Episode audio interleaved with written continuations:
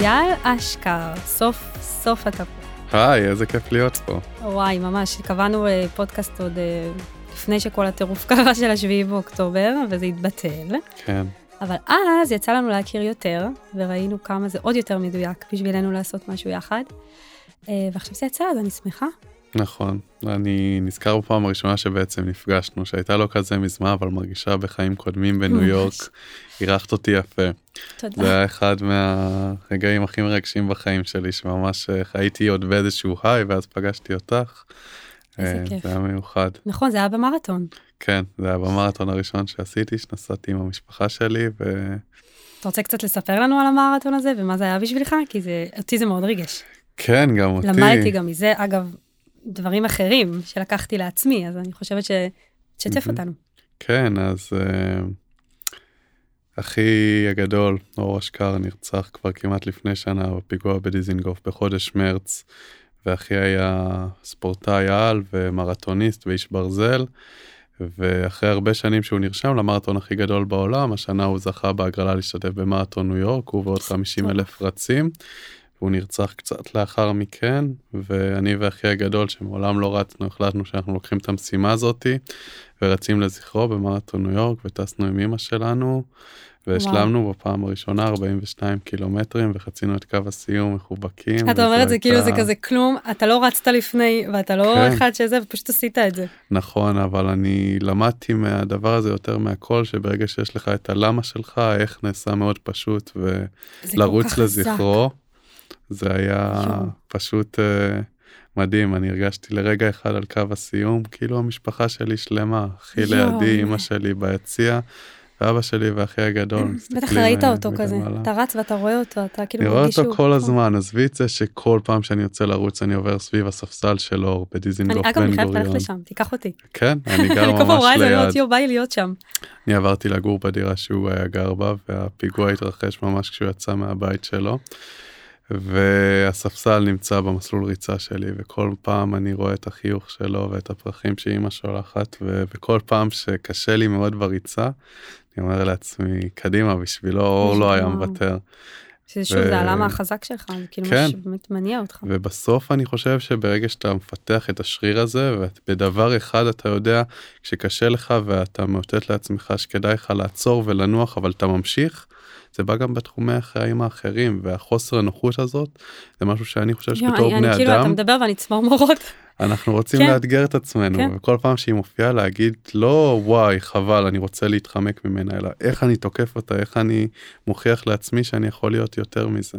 אני אגיד לך למה זה מרגש אותי, כי אני באמת נמצאת בשלב של, אמ, לא, לא בקטע חס וחלילה זה, אבל אני כאילו במודעות מאוד גבוהה, ועשיתי עבודה עם עצמי מטורפת. הגעתי מקיצון לאיפה שאני נמצאת היום, ובאמת עשיתי עבודה ולא התייאשתי, והיום מאוד, אמ, זה כאילו לא קורה לי כל פעם שמישהו מצליח לעורר בי עוד משהו, או ללמד אותי, או להגיד לי, רגע, לתת לי, אתה יודע, זה, זה, אני צריכה כמה שיותר עכשיו יותר עומק ולדבר הבא, כי אני מרגישה שכן אני במקום מאוד מודע ומאוד טוב. וכשישבתי איתך אז בארוחת ערב, אמרתי, וואו, הבן אדם הזה הצליח לה, להזיז בי דברים, להעיר לי, כאילו, סתם, הקטע הזה שאמרתי לך, נגיד, שמהפציעת סקי, לא חזרתי להתאמן, והיה לי קשה, ואז שדיברת איתי על זה, לצאת מאזור הנוחות, ושהלמה חזק, וכל הדברים האלה שאתה, כמו שאתה אומר, אתה לא רגיל לרוץ, לא זה, ועשית את זה, והצלחת, ורצ... זה דברים מטורפים. כן. וזה מגיע ממקום כל כך עמוק ואמיתי, שאמרתי, אני, אני חייבת, גם אמרתי לך, סיפרתי לך על ההרצאה שממש קשה לי, ואני עכשיו עובדת על ההרצאה שלי, וזה משהו שמאוד לצאת מאזור הנוחות. כי בוא, אני לא באמת עכשיו, הכי קל לי להישאר בבית, להמשיך לעשות את מה שאני עושה, מה שאני כבר טובה, וליהנות, אבל אני כל פעם מאתגרת את עצמי, כל פעם אני עוד שלב, ככה גם בחיים, כל פעם קפצתי למים לפני שהייתי מוכנה, כל פעם באמת לצאת ולצאת.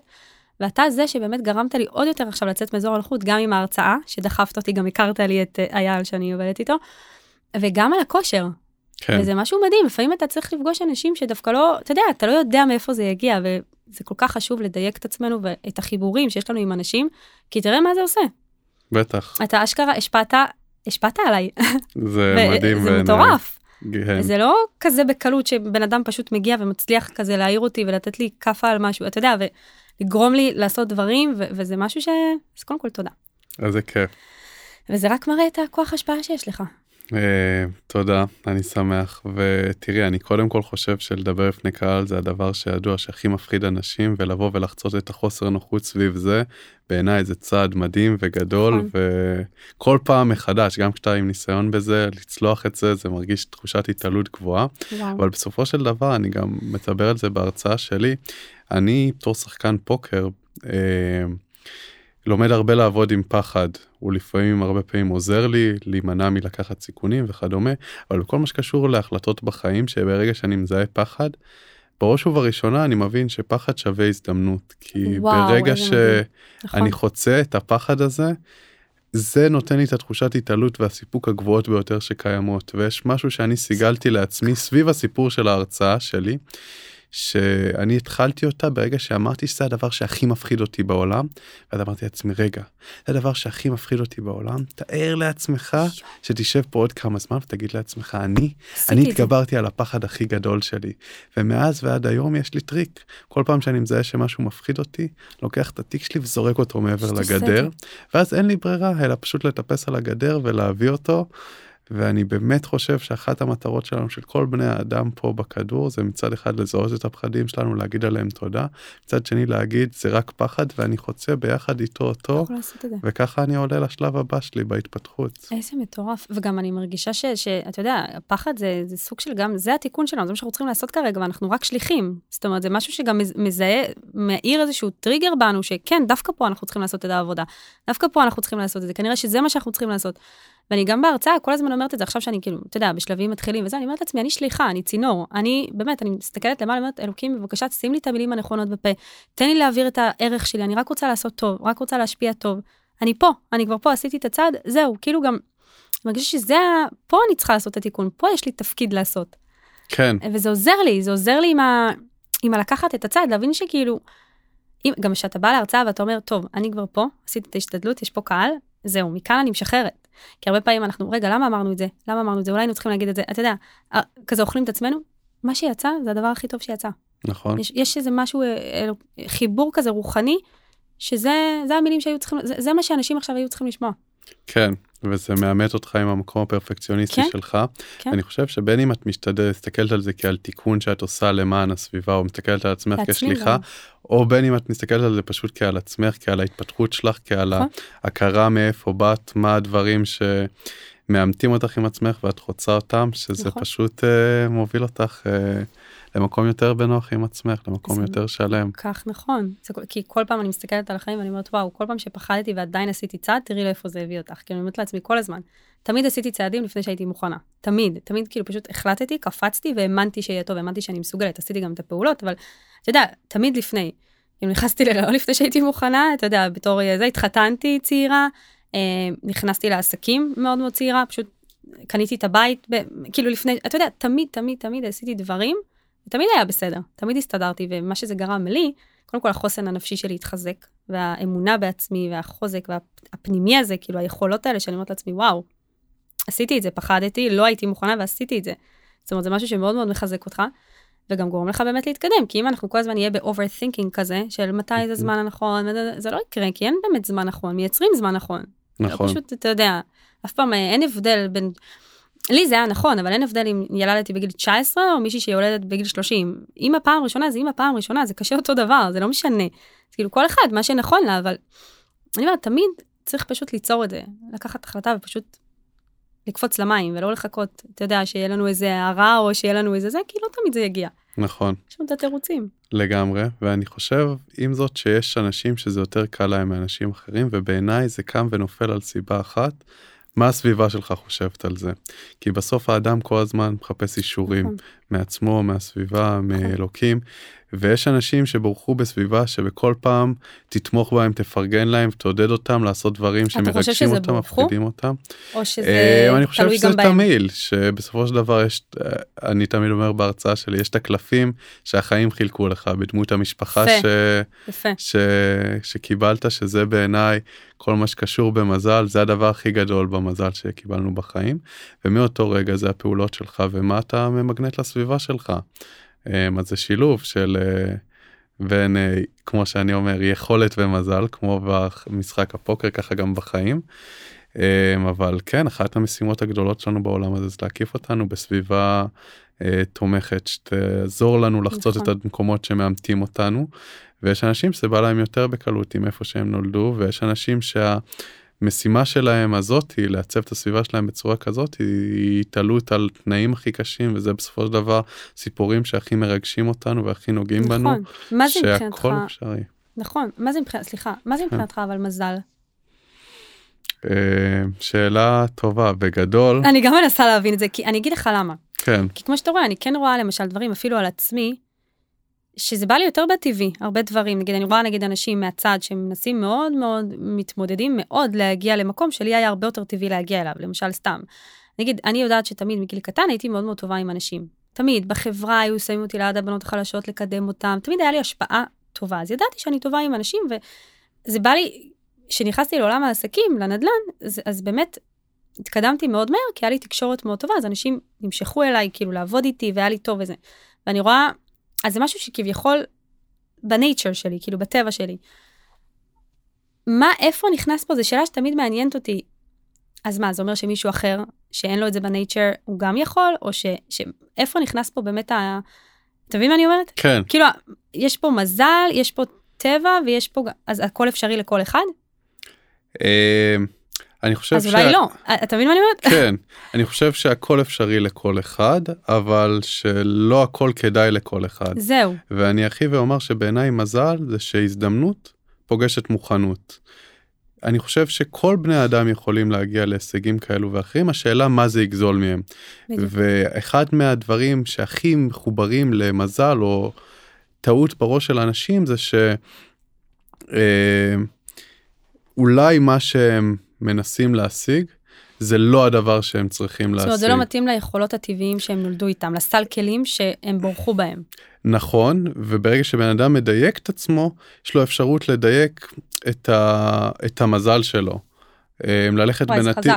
ללכת בנתיב שיותר יאפשר לו אה, לקחת את הדברים שהוא בורח בהם, את היתרונות שלו, ולהביא אותם לידי ביטוי. והרבה מהתסכול של אנשים, בעיניי במיוחד ככל שהחברה הולכת ונהיית יותר ויותר מודרנית, שהם הולכים בנתיב חיים שלא הם בחרו, נכון, זה מה שאני רואה. שהסביבה, כן, ההורים, החברה היטיבה להם, והם כל הזמן יחזרו באיזשהו מעגליות לתסכול, ללמה זה לא עובד עבורי, ללמה אני לא מצליח לצלוח, להתעלות לשלב הבא, ובסופו של דבר, פה בעיניי זה מקום של עבודה רוחנית, של נכון. להבין מה בחיים שלי לא מדויק לי, איפה. אני לא מביא את עצמי נכון. לידי ביטוי, והרבה פעמים אם אנחנו חווים תסכול על גבי תסכול על גבי תסכול, זה יכול להגיד לנו שלפעמים אה, אם אנחנו נורא מטפסים, ממהרים לטפס על הסולם, אולי כדאי לנו לעצור ולהבין שהוא מכוון בכלל למקום הנכון שאליו אנחנו רוצים להגיע. נכון, נכון, זה כמו שנגיד עכשיו, אה, לא יודעת מה, אני אלך וארצה להיות אה, זמרת. כן, אני לא, לא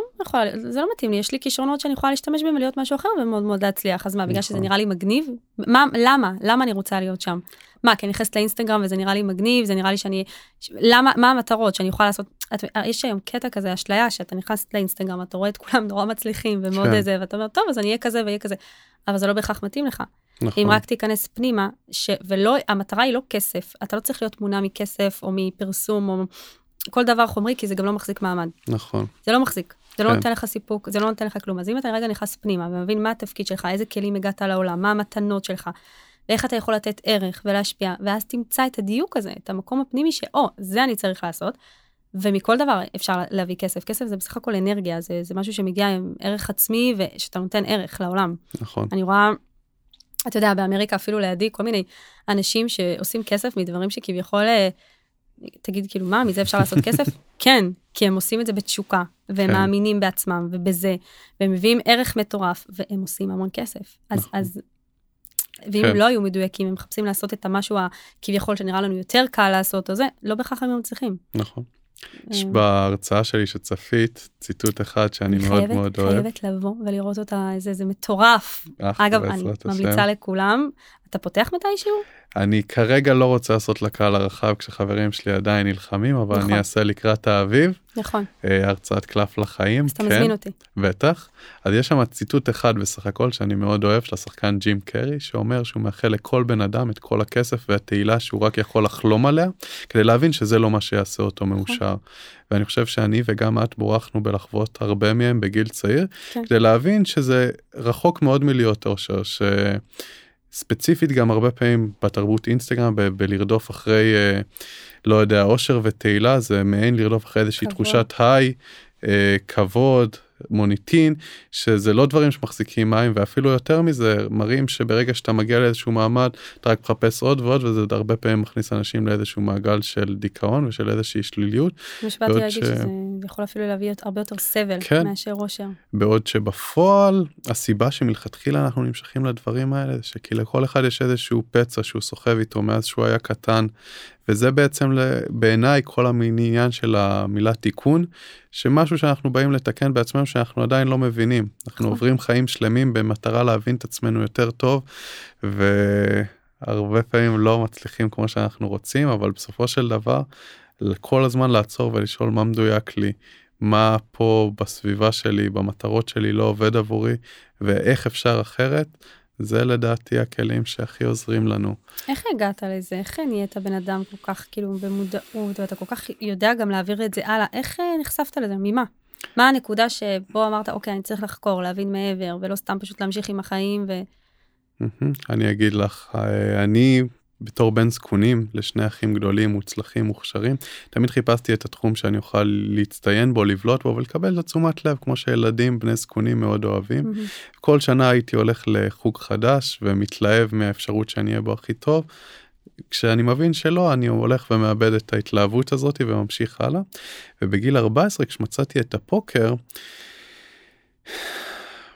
אמרתי לעצמי שכדי לצלוח להבין אותו ולהצטיין אני אצטרך להיות הגרסה הכי טובה של עצמי לא רק מבחינת הללמוד אלא מבחינת הלשלוט בעצמי בדברים שלא ידעתי שקיימים בעצמי. ברגשות שלי בתחושות שלי לנהל את הרגשות והמחשבות שלי ואני חושב שלהיות ספורטאי תחרותי ואני חושב שלמרות שפוקר לא ספורט ההתנהלות שלי הייתה כשל ספורטאי מקצועני הביא אותי בגיל מאוד צעיר להחליט שאני צריך להיות מודע לכל מה שקורה בעצמי.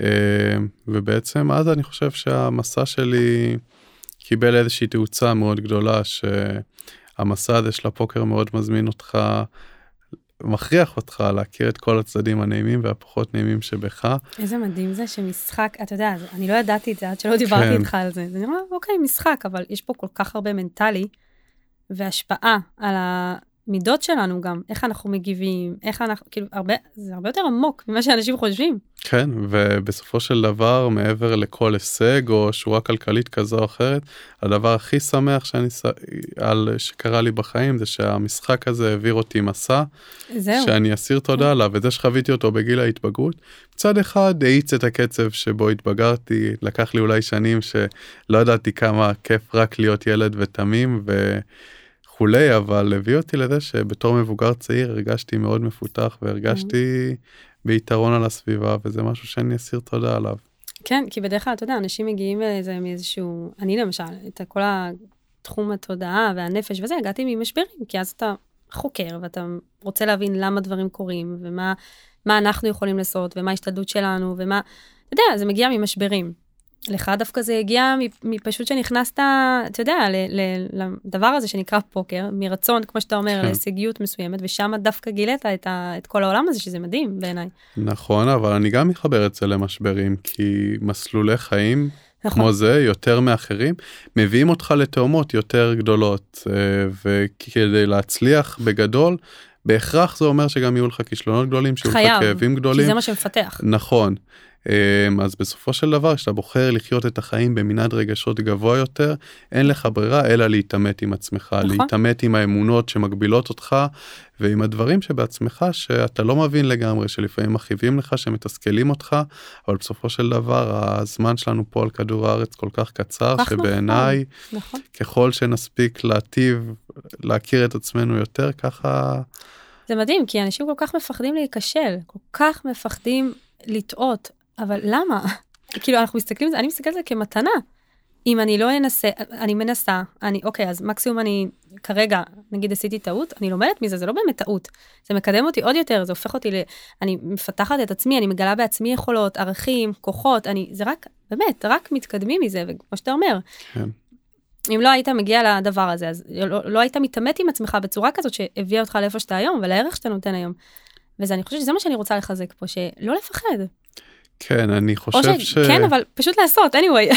אני אישית מת מפחד מכישלון, זה תמיד היה ככה ואני עדיין מרגיש את זה, ואני גם חושב שאני יודע למה, כי כשאני הייתי נכשל בתור ילד, בתור נער מתבגר, זה היה כואב לי יותר מכל דבר אחר בעולם, לא כן. בגלל מה שהיה בעולם המציאות, אלא בגלל הסיפורים שאני הייתי מספר לעצמי, בגלל נכון. איך שהייתי מלכה את עצמי, ואיך שהייתי מכאיב לעצמי, זה בסופו של דבר המנגנון שלי, והייתי צריך הרבה שנים של להכיר את המנגנון, לפרק אותו וללמוד לעבוד חדש. איתו יותר טוב. Okay. כדי ללכת מעליו אבל אני חושב שאני מסתכל על אנשים מבוגרים שלא הייתה להם את הפריבילגיה הזאת ושכמו שהיה להם את האמונה הזאת שנכנסה איפשהו מהסביבה שלהם בגיל צעיר זה הלך וליווה אותם למשך כל החיים שלהם אז כשאם אנחנו מדברים על מסע לעבר עצמנו אז בראש ובראשונה זה להבין מה יושב שם נכון. סביב כישלון למה המציאות שהיא בסופו של דבר גם כשאנחנו נכשלים עדיין יש לנו קורת גג מעל הראש מישהו שאוהב אותנו ומשהו לאכול נכון. בלילה אבל עדיין יש שם משהו שאנחנו רגילים לעשות מהמציאות משהו שהוא כל כך הרבה יותר גדול מעבר אליה שעד שאנחנו לא לומדים לעבוד עם המנגנון הזה טוב יותר הוא ימשיך להפחיד אותנו ולהגביל נכון. אותנו מלעשות את הדברים שעשו לנו טוב בסוף. גם, וזה גם להפך כאילו כן קודם כל זה באמת הרבה הסיפור שיש לנו בראש אנשים מפחדים למשל לעשות דברים שהסיפור בראש. אפילו זוגיות, אנשים מפחדים להיכנס לזוגיות, כי הסיפור אצלם, זוגיות זה ככה וזה יהיה ככה, וכאילו מדמיינים כבר דברים שלא בהכרח יקרו ולא קרו, אבל הסיפור הזה זה מה שעוצר אותם, סיפור שיש להם בראש על זה. וגם אפשר להשתמש בסיפור הזה פשוט לשנות לטובה. זאת אומרת, אני, היה לי סיפור בראש כל הזמן בתור ילדה, אני אהיה ככה ואני אצליח ויהיה לי זוגיות מהממת ויאהבו אותי ואני אהיה נאהבת ונחשקת ויהיה לי ילדים מדהימים ומוצלחים ויפים וכאילו זה היה הסיפור. דמיינתי את זה קורה, שעוד, בוא, זה לא היה קרוב לזה, כן? הייתי ילדה, ההורים שלי גרושים, כאילו לא היה, הייתי בהישרדות כלכלית, לא... לא ראיתי, זוג, לא ראיתי דוגמה לזוגיות טובה, כלום. פשוט החלטתי שזה הסיפור, אני לא יודעת אפילו למה, אבל זה הסיפור שסיפרתי לעצמי, והכל קרה. כן. הכל קרה, כי, כי, זה, כי נאחזתי בסיפור. Mm-hmm. אז זה משהו שיכול להעיף אותך, וזה משהו שיכול לרסק אותך. אז פשוט כן. לבחור איזה סיפור לספר, לא לפחד גם לספר סיפור. נכון. זה כאילו, אין, אין, המוח לא מבדיל בין אמת ללא, הוא לא מבדיל, מה שנכניס זה מה שיהיה, זה תוכנה, זה פרוגרם כזה, נכניס לשם ככה, זה מה שיהיה. וזה, mm-hmm. וזה מה שאני לא הבנתי את זה עוד, אבל נאחזתי בזה. דמיינתי כן. כל הזמן, הייתי נוסעת באוטובוס, אני אשכח את זה לבית ספר, כל הילדות היו עסוקות בללמוד, אני לא ידעתי ללמוד, לא אהבתי לשבת וללמוד. הייתי מסתכלת על הבתים, הייתי אומרת, יואו, יום אחד יהיה לי כזה, ואני מדמיינת כזה, הולכת עם ה... דמיינתי, כל היום הייתי מדמיינת, וזה עבד. אתה מבין? אז, אז זה באמת להיאחז בסיפור ולספר את הסיפור הנכון. כן, והרבה פעמים אנחנו מספרים לעצמנו סיפור לא כי אנחנו בוחרים לספר אותו, אלא כי הוא נכנס לנו לראש לפני שאנחנו זוכרים, או... על ידי אנשים שלאו דווקא ידענו שאנחנו נותנים להם את הגישה שהם יהיו אלה שמספרים לנו את הסיפור כל הזמן. נכון. אבל אנחנו יכולים להתעלות מעל זה רק כשאנחנו מבינים שזה הסיפור שיש לנו בראש, להבין מתי הוא נכנס לנו לראש, ובסופו של דבר להתנסות מעבר אליו. כי כמו שדיברנו על מזל בהתחלה, שאנשים שבורחו מלספר לעצמם סיפור שעושה להם טוב ומקדם אותם בחיים מאז שהם צעירים. נכון. יש כאלה שסיפור שלהם מעכב, מצמצם, נכון. מתסכל אותם, והדרך לחצות את זה זה להתנסות במשהו אחר, שלפעמים יכול לעבור כברת חיים שלמה עד שאנחנו זוכים לחוות חוויות מעבר לזה ולפעמים בעזרתנו בעזרת אנשים שאוהבים אותנו אנחנו יכולים לחוות טיפה אחרת מזה. אני כשאני חווה חברים שלי שמתוסכלים מתחום הזוגיות או מחוסר היכולת שלהם לצאת עם נשים אני כל הזמן אומר לעצמי וואי אולי אני אכיר להם את זה אולי אני אכיר להם את זה ואני רואה שהרבה פעמים הם עדיין לא מוכנים שעדיין שזה לא קם ונופל על ההתנסות כי הם עדיין לא מוכנים לא, לכך לא עדיין יש להם משהו פנימי לעבור עם עצמם. Okay. ובסופו של דבר אה, זה כמה יהיה לנו חשוב לתעדף דבר אחד על דבר אחר. ואיך נחליט uh, להוציא את זה לידי ביטוי. אבל נכון. uh, כן. זה לא דווקא ההתנסות הפיזית כמו באמת משהו שצריך שם ליפול כדי להבין מה מעכב אותנו ולהכיר בזה, ואגב זה דבר נורא קשה. להכיר במה. זה דבר, זה לא קל להיכנס. לא. זה גם מה שעזר לי בעבודה התודעתית, שלא פחדתי להיכנס ל... לדברים הפחות נעימים, להכיר בהם, ואז אתה יכול לתקן ולשפר. אתה לא יכול לעשות עבודה בלי להגיד, רגע, אני כזה וכזה, אין בעיה, אני רוצה לשנות, אבל קודם כל אני צריך להכיר מי אני, מה כרגע, מה מעכב אותי, מה... זה לא קל להודות, אה, ah, זימנתי את זה לעצמי כי אני ככה וככה, לא. הכי כן. כיף להגיד, לא, זה לא קשור אליי בכלל. מה את חושבת שהוביל אותך להיות כזאת מעודדת לחקור את עצמך? המשבר שהיה לי אה, בתחילת הדרך, היה לי משבר מאוד קשה בתחילת, לא יודעת אם סיפרתי לך את זה, אבל נכנסתי לעולם ההשקעות, אה, ישר אחרי התיווך. קודם כל הגעתי לארצות הברית, הוצאתי רישיון תיווך, אחרי באמת הגעתי, הגענו לבייסמנט בלי כלום, אני ועזר שתי ילדים עם תינוקת קטנה. ככה, מתחילים את החיים, היי, אנחנו כאן. באמת, בלי שום רקע. אה, אחרי חצי שנה החלטתי שאני רוצה להיכנס לתחום של הנדל"ן, ואמרתי, טוב, להיכנס לנדל"ן אני צריכה להתחיל מלמטה, להוציא רישיון תיווך. לא היה לי אנגלית, לא היה לי כסף. עזרא אמר, אני מאמין בך, את תעשי את זה, אני אקח עוד עבודה, ממש היה עובד מהבוקר עד הלילה, העיקר כדי שאני אוכל להשקיע בלימודים ולהוציא את הרישיון. ולא היה לי שפה, לא היה לי כלום, עבדתי מאוד קשה, שיעורים פרטיים מכסף שלא היה, הבאתי את אמא שלי מהארץ שתשמור לי על התינוקת, תוך כדי גם ילדתי. בוא נגיד שאנשים עוברים את הקורס, תוך חודש כבר יש להם רישיון, לקח לי שנה וחצי, כי היה לי תוך כדי לידה, והייתי צריכה לעשות את הקורס עוד הפעם, ולקח לי שמונה פעמים לעבור את המבחן. הפקידה שם אומרת לי, די, זה לא בשבילך. היא אומרת לי, listen, honey, it's not for you, כאילו, די, אני באה עוד פעם לא עוברת. אמרתי לה, nobody's gonna remember how many time it took me to pass the test, I'm gonna be so successful, והיא הסתכלה עליי, כנראה חשבה שאני על סמים או משהו. אמרה לי, אוקיי, כאילו חיה בסרט, סוג כזה, נראה לי. זה בכל אופן ה vibe שאני קיבלתי, ואמרתי לה, don't worry, והגעתי עוד פעם ועוד פעם, ובסוף עברתי את המבחן. ותמיד אמרתי לעצמי, באמת, אף אחד לא יזכור כמה פעמים, זה לא מעניין אף אחד, כמה היה לך קשה וכמה זה, בסופו של דבר, זה לא מעניין. את תצליחי, את תהיי טובה, והוכחת לעצמך שהנה, את יודעת לעבור מבחן. בשבילי זה היה הוכחה משמעותית, כי בתור ילדה שלא הייתה חזקה בלימודים, כי זה לא עניין אותי. ועברתי את זה בסוף, אה, ובאמת הצלחתי מאוד, אמרו לי, חצי שנה לא מוכרים בית, אל תצפי. אמרתי, באמת, אלוקים לא מוגבל, הכל בסדר. אני אעשה את ההשתדלות שלי, ותוך שבועיים מכרתי בית, כי זה היה בדיוק זוג ישראלי, שדווקא חיפשו את הישראלית שמדברת עברית, ועזרתי להם, באמת, עזרתי להם בצורה מדהימה, ומצאו בית, ומשם זה התגלגל. ואז זה לא עשה לי סיפוק, התיווך, כי הרגשתי שאין לי פה משהו מיוחד. בסדר, אז אנשים מחפשים בית, אז אני, כאילו, כל מתווך יכול לעשות את מה שאני עושה. אין לי פה, לא, לא, לא הרגשתי שזה הייעוד שלי. ואמרתי, אני רוצה להתחיל את התחום הזה של ההשקעות. לקנות לעצמי בתים, לשפץ, למכור, להביא לעצמי את היציבות הכלכלית הזאת. מאוד מאוד רציתי יציבות, כי לא היה לי, הייתי בהישרדות כלכלית כל הילדות, ותמיד לא היה, ומאוד רציתי ליצור לעצמי איזה שקט כזה נפשי, ולדעת שאני מסודרת, ובאמת, זה משהו שנדל"ן מאוד משך אותי. ידעתי שנדל"ן זה בטוח, זה שמרני, ואני גם טובה עם אנשים, אז מהמם. התחלתי לקנות, אה, אה, מצאנו שתי בתים, לשפץ, למכור, כזה, אתה יודע, פליפים שאתה קונה ב-60-70 אלף דולר, משפץ ומוכר את זה בהרבה יותר. וזה המשקיע הראשון, שכן, וגיליתי אחרי כמה חודשים שהקבלן עקץ אותי ב-70 אלף דולר על שתי הבתים. עכשיו, אין פה הרבה רווח, כאילו זה כל הרווח עקץ אותי, זהו, הלך כסף. זה היה משבר מאוד קשה, כי הוא גם לא הגיב טוב. הייתי צריכה למצוא הרבה אומץ, בכלל, להגיד לו מה שקרה ומה אני עושה, איך אני מתקנת את זה, כאילו, הלך הכסף, הוא ברח, זהו. וקודם כל, זה היה יום כזה שקיבלתי החלטה, זה או שאני נכנסת למיטה ונשברת, ואז זהו, סיימתי. או שאני מנצחת את זה וגורמת לזה לעבוד, לא יודעת איך, עושה הכל, ואז אני, וואו, אז אני, אתה יודע, הוכחתי לעצמי. אמ, וזה היה ההחלטה, ואמרתי, זהו, אני, אני גורמת לזה לעבוד ואני יוצאת מזה. ובאמת עשיתי הכל, קמתי בשש בבוקר, מצאתי קבלן חדש, עזרא עזב את העבודה, ובא לעזור לי בידיים שלו, כאילו לסיים דברים. פשוט נלחמנו כמו, הרגשתי כמו איזה אריות לסיים את זה. בסוף, long story short, סיימנו את זה, ובינתיים השוק מאוד מאוד עלה, אז במקום למכור את זה בסכום מסוים, מכרנו את זה הרבה יותר, אז גם היה רווח, גם החזרנו את ההשקעה, הכל היה בסדר, ניצחתי את זה. אבל אז התחלתי לעשות עבודה תודעתית מאוד מאוד, למה זה קרה? מה זה היה הסגנון הזה של המשקיע? למה, למה, למה משכתי לעצמי דבר כזה? כאילו, היה משקיע באמת נוראי, וכאילו, הכל היה לא בריא, וזה שהקבלן עקץ אותי, וזה איך נתתי לזה, כאילו, לקחתי אחריות, לא בקטע של אשמה, בקטע של לקחת אחריות. לראות איך זה לא קורה לי יותר, איך אני רק מצליחה למנף את זה וללמוד מזה, ובאמת, סביבה שלי, כאילו, היה הרבה דברים שהרגשתי שאני צריכה לדייק. ונכנסתי לכל קטע הזה של התודעה ועבודה תודעתית, והלכתי לטיפול, והשקעתי בזה המון, המון. וגיליתי המון דברים, כי הסכמתי לגלות.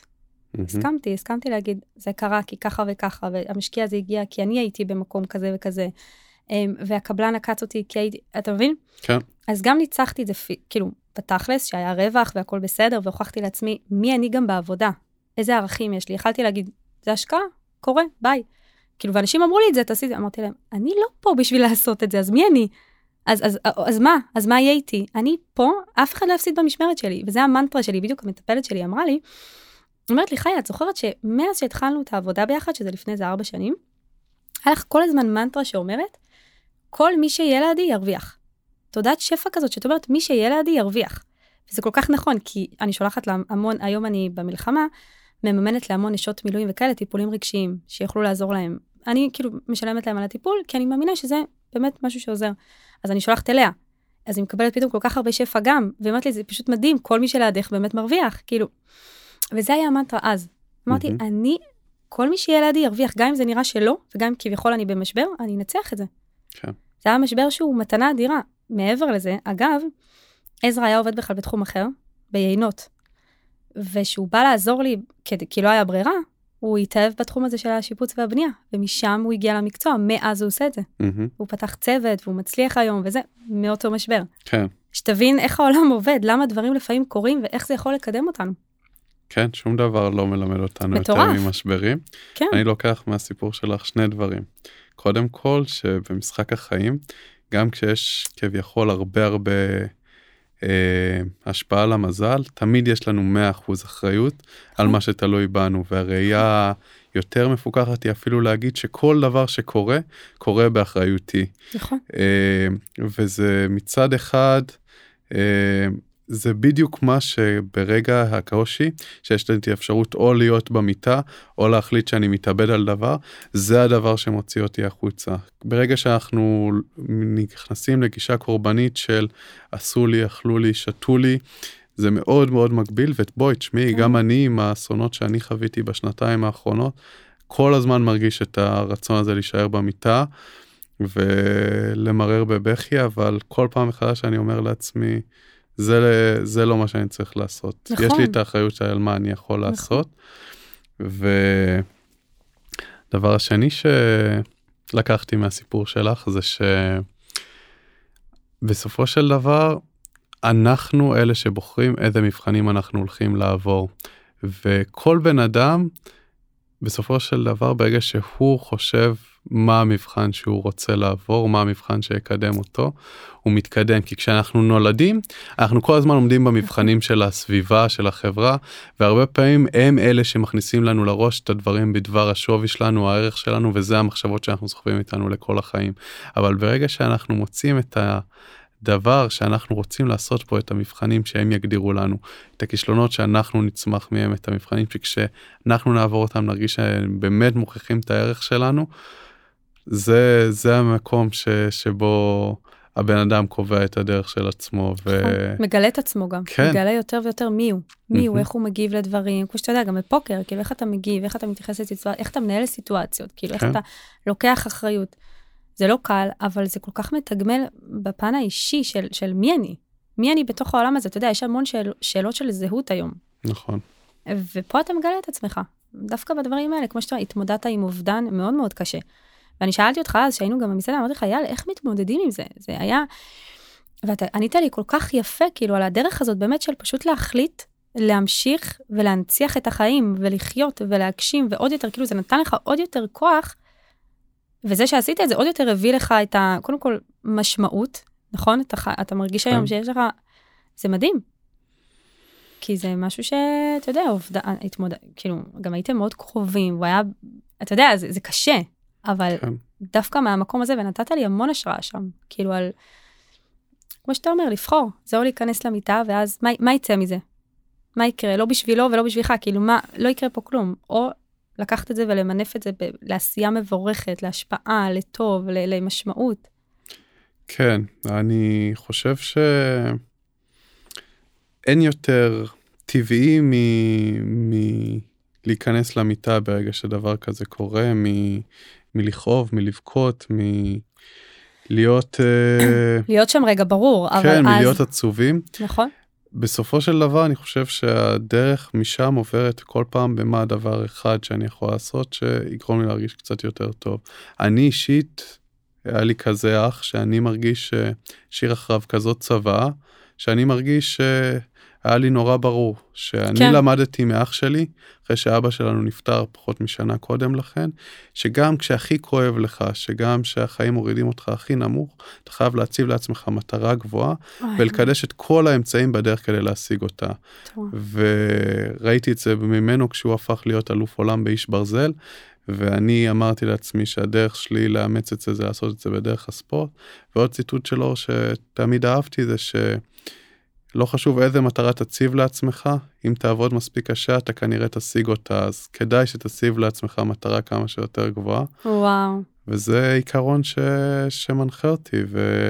היה לו יצר חיות מטורף, זאת אומרת, הוא היה בן אדם שכל פעם הוביל את עצמו, זה, זה, אני לא מכירה אותו ואני כן. פשוט מרגישה אותו. זה מטורף, המשפטים האלה, זה, זה רק אומר מי הוא, מי הוא היה, איזה, נכון. איזה, איזה עוצמה. כן, אה, כשהערכים המובילים שלך הם נחישות, התמדה וכאלה, תמיד גרם לי להרגיש שיש בהם אמה הרבה יותר מ-24 שעות. וכן. זה כל כך רלוונטי גם לתקופה עכשיו. נכון. כל כך הרבה אנשים חווים אובדן. קודם כל, כולנו חווים אובדן. אני, אני מרגישה באמת, הלב שלי לא נשבר ככה לעולם, וזה אנשים שאני לא מכירה.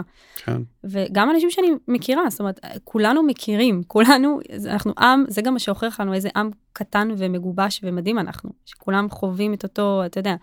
אבל יש אנשים שבאמת איבדו ילדים ואחים, וזה כל כך רלוונטי גם לעכשיו, כי כאלה שצופים בנו ומאזינים, זה באמת יכול לחזק, כי דווקא אתה מהמקום הזה של האובדן, עוד לפני ה-7 באוקטובר, מוכיח לנו ש... שאפשר להתגבר על זה, שאפשר לחיות עם זה ועדיין להמשיך ועדיין, אתה יודע, לבחור, להיות מאושר, ו... ו... זה מדהים. כן, השביעי באוקטובר קרה לי השנה ב-9 במרץ, כן. ואני אישית מצאתי, גם בגלל, כמו שאני מרגיש, הצוואה של אחי, שהתרופה הכי טובה לזה תהיה ספורט, אבל בסופו של דבר אני חושב שכל בן אדם יכול למצוא את הדבר שעבורו זה ההתמודדות שלו, זה הדרך שלו להביא את עצמו לידי ביטוי, כן. זה הדרך שלו להתעמת עם עצמו, זה הדרך שלו לפרוק את התסכול שלו החוצה, וחייבת נכון. להיות אחת כזאת, כי אחרת זה נשאר בינך ובין עצמך, זה נשאר בינך ובין אלוהים. נכון. ו... וזה המעגל שאין לו סוף, כי ברגע שאתה מוצא את הדרך להוציא את זה, את האנרגיה הזאת ממך החוצה, לפרוק אותה בכל צורה שהיא, וואו. אז אתה מגיע לאיזושהי התקדמות, אבל הנטייה שלנו היא להסתגר, מי יותר ומי פחות. והרבה פעמים הדבר ה... שהחבר הטוב צריך לעשות, זה לעזור לבן אדם להחליט שלא חשוב מה, הוא מוצא את הדרך להוציא את זה החוצה. ולהמשיך. ואין דרך נכונה או לא נכונה, כי כל בן אדם יש לו את המנגנונים שלו שעושים נכון. ומקדמים אותו, נכון. אבל חייבת להיות דבר כזאת, וברגע שאנחנו מוצאים משהו, כל דבר, שאנחנו מצליחים להיות בו קצת יותר טובים מיום ליום, שהוא קצת גורם לנו לקום בבוקר וקדימה, אני רק מסמן וי על זה. צעדים קטנים, זה יכול להיות באמת דברים קטנים והרגלים, הרגל חדש קטן, משהו שבאמת יכול... אה, להעיף אותנו קדימה, ובאמת, אה, זה לא חייב להיות משמעותי, אתה יודע, אנשים, איך אני מתחילה, איך זה, אבל כמו שאתה אומר, זה יכול להיות משהו קטן, רק היום, רק עכשיו, ולאט לאט, עוד קצת ועוד קצת, ו... כן. זה הכי חשוב. Uh, בסוף אני תמיד uh, מצאתי את עצמי נורא רוצה לעשות שינויים דרמטיים בחיים שלי. היום נכון. זה היום הראשון של שארית חיי, זה משפט שנורא נורא אהבתי. נכון. בעוד שבפועל הבנתי שהדרך מ-0 ל-100, יש אקסיומה כזאת שאומרת שאם אני רוצה להגיע מנקודה A לנקודה B, כל הזמן צריך להגיע לנקודה C שהיא אמצע הדרך, ואז יפה. לנקודה D שהיא אמצע הדרך, ואז כביכול, בגלל שאני כל פעם אמור להגיע לאמצע, אז אני כביכול לא יזוז אף פעם, כי אני אף פעם לא אגיע, כי אני תמיד קודם צריך לעבור באמצע הדרך. נכון. אבל בפועל, אה, ברגע שאנחנו פורטים את הדרך הארוכה הזאת לצעדים פשוטים, צעדים קטנים, זה פשוט קורה, כוח האינרציה מתחיל להזין את עצמו ואנחנו מתקדמים לשם. והקושי הכי גדול מבין לעשות את כל הדרך הזאת היא להבין מה תוכנית פעולה. וספציפית כן. בריצה, כל הדרך לרוץ 42 קילומטר נורא עוברת ופשוט איך אני עושה את הקילומטר הראשון ואז נכון, איך אני מגיע לעשרה וכולי. ולא חשוב באיזה תחום אתה הולך בחיים. יש את הבן אדם שיש לו את הניסיון והוא צבור ממך והוא יכול פשוט להגיד לך מה הדרך ואני חושב שאחד מהדברים הכי מדהימים שאת עושה מאז שהתחילה המלחמה שבתוך כל הכאוס המטורף הזה ששורר מעל האנשים את באה ואומרת להם בואי זאת הדרך בואי זאת, זאת האישה שיכולה לבוא ולהכווין אותך ולעזור לך לקחת את הצעד הזה כי בסופו של דבר. אני חושב שהצד הילדי בכל בן אדם זה שבא ואומר אני צריך את ההורה שלי נכון. שיבוא ויגיד לי שיהיה בסדר ומה אני צריך לעשות. אתה יודע זה חזק אני תמיד אומרת שכל אחד צריך לפחות בהתחלה מישהו שיראה אותו ש, שיאמין בו שיעזור כן. לו שיגיד לו אתה יכול אתה מסוגל לי היה את זה. היה לי את, אה, היה לי כאילו כל פעם אנשים ש, שכזה אמרו לי בתור ילדה, היה לי גם הרבה שלא, אבל כן. היה לי את האנשים האלה שוואי זאתי חבל על הזמן, יש לה משהו מיוחד, יש לה משפטים קטנים כביכול בלי משמעות שלקחתי מאוד ואמרו לי, כאילו אמרתי לעצמי וואי יש לי משהו, יש בי משהו. ואז עזרא שהתחתן איתי ומאוד מאוד האמין בי ודחף אותי. ויש אנשים שאין להם, אז אני אומרת אין בעיה, תשלמי. תשלמי למנטורית הזאת שתגיד לך את יכולה, לא, לא מעניין אותי, אין לך, כאילו, אז אז אני פה לעזור כדי שיהיה לך את זה, כי, כי אני חושבת שזה משהו שהוא התחלה, הוא התחלה כן. לדבר עם מישהו, גם אם אין לך את זה, תשלם על זה. שמישהו שיגיד לך, אתה יכול להעיר בך, אתה כבר יודע מי אתה כנראה, אתה לא יודע להביא את זה לידי ביטוי, אבל להעיר בך את הכוח הזה, את האור שבך, את היכולות שלך, ולהגיד לך, אתה יכול. כן. יש דרך לעבור, יש הרבה מה לעשות ולשפר, אבל אתה יכול ואתה תגיע לשם. ו... זה נגיד משהו שאפילו אני זוכרת בזמנים שלא היה לי כסף, וכאילו ממש היינו ממש על הקשקש, תמיד השקעתי בזה, תמיד השקעתי בעבודה עצמית, תמיד לקחתי את ה... כן, את ה-400 שקל האלה והלכתי לדבר והלכתי לטפל, ותמיד רציתי לשפר. יש אנשים שלא מסוגלים כרגע לחשוב על זה, הם בהישרדות, לא עובר להם האשראי במכולת. עכשיו, מ-7 לאוקטובר אני מקבלת פניות לקרן. חיה, אנחנו לא מכירות, אבל אני באמת, אין לי, אין לי, ואף אחד לא עוזר לי, אף אחד לא רואה אותם. אז דווקא במקום הזה אני אומרת, אין בעיה, אני אעזור לך כרגע נקודתית. אני אשיג תורם ואני אעזור לך עכשיו בכמה מאות דולרים האלה, לפחות את זה, אבל אני רוצה לממן לך גם טיפול. תבטיחי לי שאת הולכת לטיפול. כן. שאת רואה איך את קמה מהמקום הזה, כי להמשיך לעזור בכסף לא יקדם אותך. נכון. את צריכה את ה... ללמוד איך את לוקחת אחריות על החיים שלך, כי אף אחד לא יעשה את זה בשבילך. כן. אז היא אומרת לי, אין בעיה, ואני, ואני ממש מחייבת אותם ללכת לטיפול הזה. Mm-hmm. ואז באמת הם הלכו והרבה כתבו לי וואי את לא מבינה זה שינה לי את כל החשיבה כאילו פתאום נפתח להם איזה משהו ש... וואו אני יכולה לצאת מזה זה זמני זה לא כן. לנצח המצב הזה זה זמני. הכל טוב יש יש אור יש תקווה. שאלת אותי מקודם בנוגע למזל אז הבן אדם הזה האחד שיאמין בך זה בדיוק העניין של מזל זה יכול נכון. להיות הסביבה שלנו שאנחנו נולדים יכול להיות אנשים מדהימים שאנחנו פוגשים באמצע הדרך, או שזה יכול נכון. להיות משהו שלוקח הרבה שנים עד שהכל מבשיל, עד נכון. שההזדמנות קיימת כדי לפגוש את המוכנות שלנו, ובסופו של דבר, אחת מהשליחויות הגדולות בעולם הזה הוא אה, להאיר ולו אה, נר של בן אדם אחד, את הנשמה וואו. שלו שקורית, ומזל שאנחנו חווים אנשים שיכולים להגיד שכן בורכנו, או הרבה פעמים הדרך להביא אותו לידי ביטוי הוא להיות המזל הזה עבור אנשים אחרים, וואי, הוא להתרכז נכון. בלהעיר אותם, נכון. ואין זכות גדולה מזאתי לעשות לי, עבור נכון. אנשים. היה לי תמיד חלום, אמרתי שאני כאילו, יהיה באמת, שיהיה לי את האפשרות, אני רוצה להעיר את האנשים האלה שבאמת, לא, אתה יודע, יש הרבה ארגונים והרבה דברים מדהימים, אבל יש את האנשים האלה שאף אחד לא רואה אותם. שהם כרגע מתמודדים התמודדות שזה לא מספיק בשביל ארגון לקבל תמיכה, אבל הם צריכים את המישהו הזה רגע שידחוף אותם, שיעזור להם, ש... אמרתי, אני כל כך רוצה להיות שם, ולכן קמה קרן, לכן הקמתי את הקרן הזאת, להיות בשביל האנשים האלה שלא רואים אותם, אבל שכל כך צריכות את הדחיפה הזאת, את המשהו הזה. בדיוק בחנוכה ראינו את זה, שבעלי דיבר על מה זה נראות חנוכה, וזהו, הוא אמר לי שמעבר לזה שה... כאילו המעלה הכי גדולה זה להאיר את הנר האחר, להאיר את הבן אדם האחר, להשפיע עליו, לגרום לו להתעורר, זאת אומרת, להאיר עליו, באלף, זאת אומרת, משהו שכאילו באמת, אמרתי, וואו, זה, זה הדבר. שאתה מאיר נראות שאתה אחר, אתה תמיד דולק, אתה תמיד, אתה צינור. כן. תמיד זורם בך, אתה תמיד, יש לך פה תפקיד. Mm-hmm. וזה משהו שבאמת נותן את הברכה והסיפוק והתחושת משמעות הכי הכי גדולה שיש. אני מסכים ואני חושב שמעבר לזה שכל דבר שאני רציתי להשיג בחיים שלי נכון. בין אם זה ידע בין אם זה הישג בין אם זה משהו חומרי הבנתי שהדרך הכי הכי טובה להשיג את זה היא לנסות ולהיות צינור של אותו הדבר עבור בן אדם אחר כי ברגע שאתה מתרכז בזה ההשתדלות שלך היא גדולה יותר וההיטמעות של הדברים בתוכך היא הרבה יותר גדולה מאשר שאתה רוצה לאחוז בדברים האלה עבור עצמך. נכון, אתה אומר זה לא בשבילי אני רוצה לעשות טוב כן. אני פה לעשות טוב תעזור לי לעשות טוב כאילו ואז הכל הרבה יותר רוחני ומקבל משמעות אחרת מאשר של בשבילי ואני, ואתה מבין, זה משהו שהוא הרבה יותר עמוק. כן. וואו, זה מדהים. אייל, אני חושבת שאפשר להמשיך לדבר עוד שעתיים, והיה לי מדהים, ואני חושבת שנתת פה, באמת, נתת ערך מטורף למאזינים ומאזינות, ודווקא בתקופה כזאת היינו כל כך צריכים לשמוע אותך. אתה כל פעם מחדש מלמד אותי עוד דברים, ואני מודה לך, ואתה השראה ענקית, ותודה, תודה שבאת ושיתפת אותנו בסיפור המדהים שלך ובתובנות, ומדהים. תודה לך, ותודה על ההזמנה הזאת, ושנדע ימים טובים יותר, אמן, בשורות טובות. ובשורות טובות, כל טוב. תודה. ביי ביי.